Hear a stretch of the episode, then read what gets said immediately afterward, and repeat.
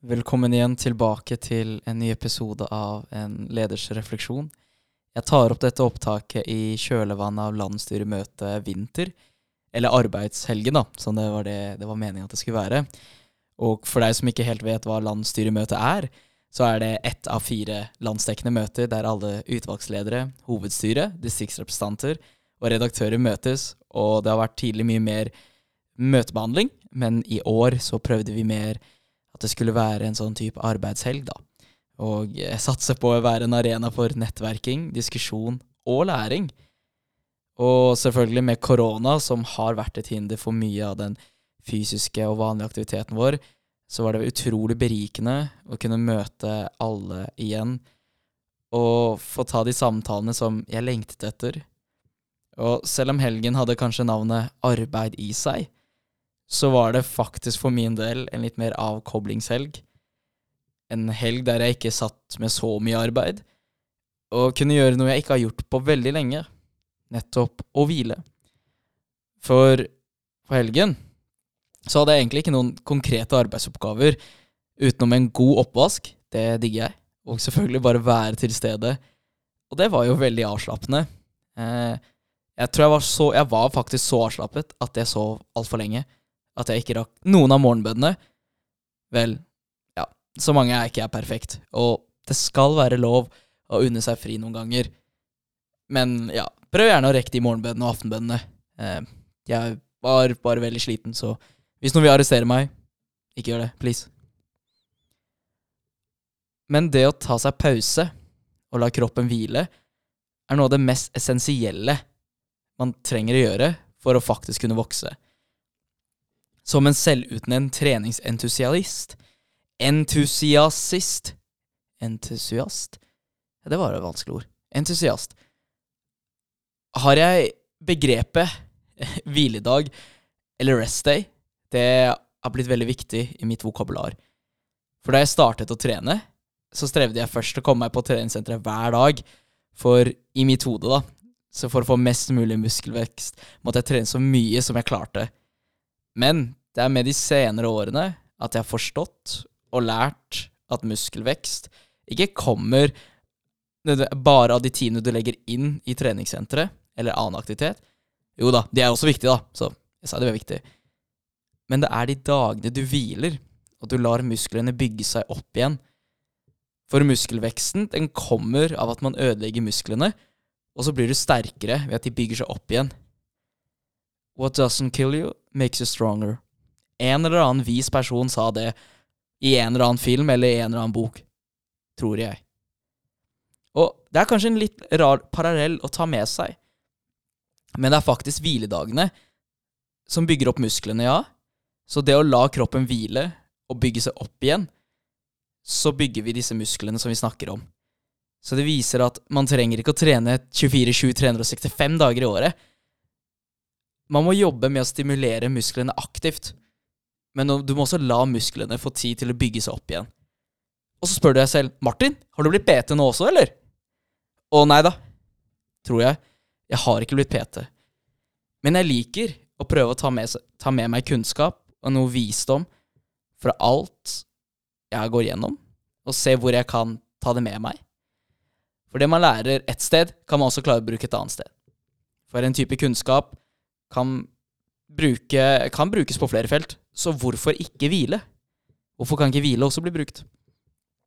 Å unne seg fri betyr ikke alltid at man slipper alt man har, og lar ting gå, men heller å tillate seg å ta et steg tilbake og se på det arbeidet man har gjort, og kan si til seg, si til seg selv at ting er bra nok.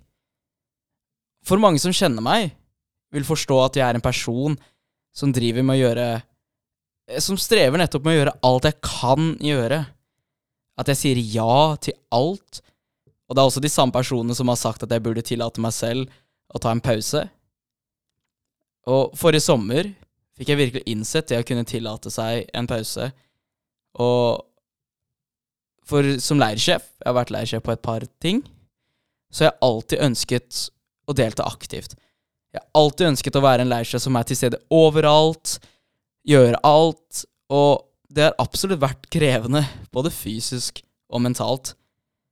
Så i fjor, da jeg var leirsjef, så Folk har sagt at jeg burde ta, men, 20, men da jeg var på den leiren, så tvang de meg til å ta pause.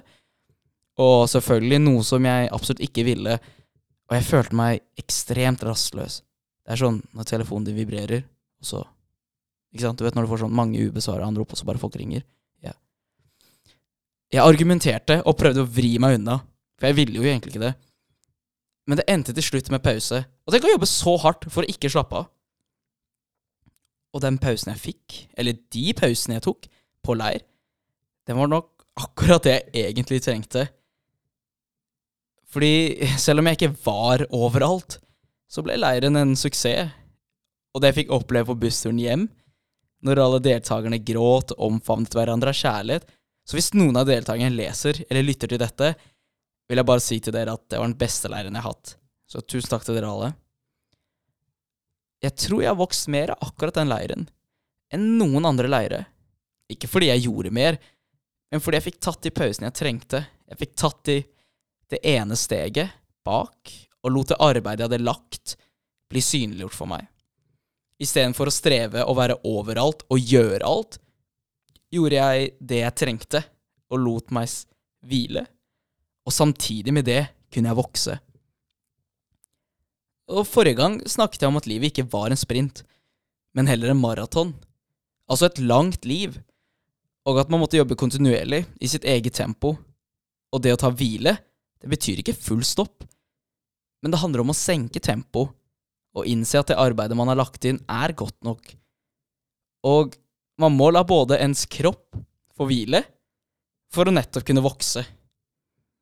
Men den hvilen, den gir jo energi til å fortsette.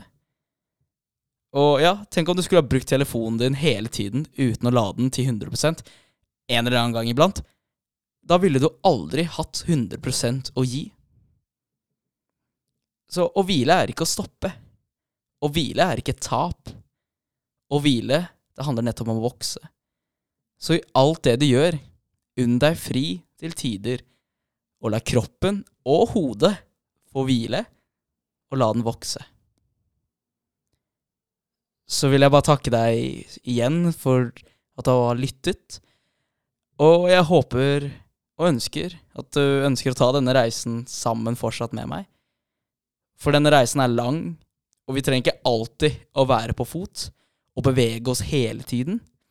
Det er greit å ta en liten pust i bakken, og kanskje ta inn til seg alt det vakre som er foran en, og det arbeidet man har lagt bak. Og se tilbake at vi nettopp har kommet et lite godt stykke. Denne reisen er utrolig lærerik og spennende, og jeg håper du vil fortsette å ta del i denne reisen sammen med meg, fordi en reise er kjedelig alene. Så vil jeg bare avslutte med å si at jeg heier på deg med alt det du driver med, og det du ønsker å oppnå.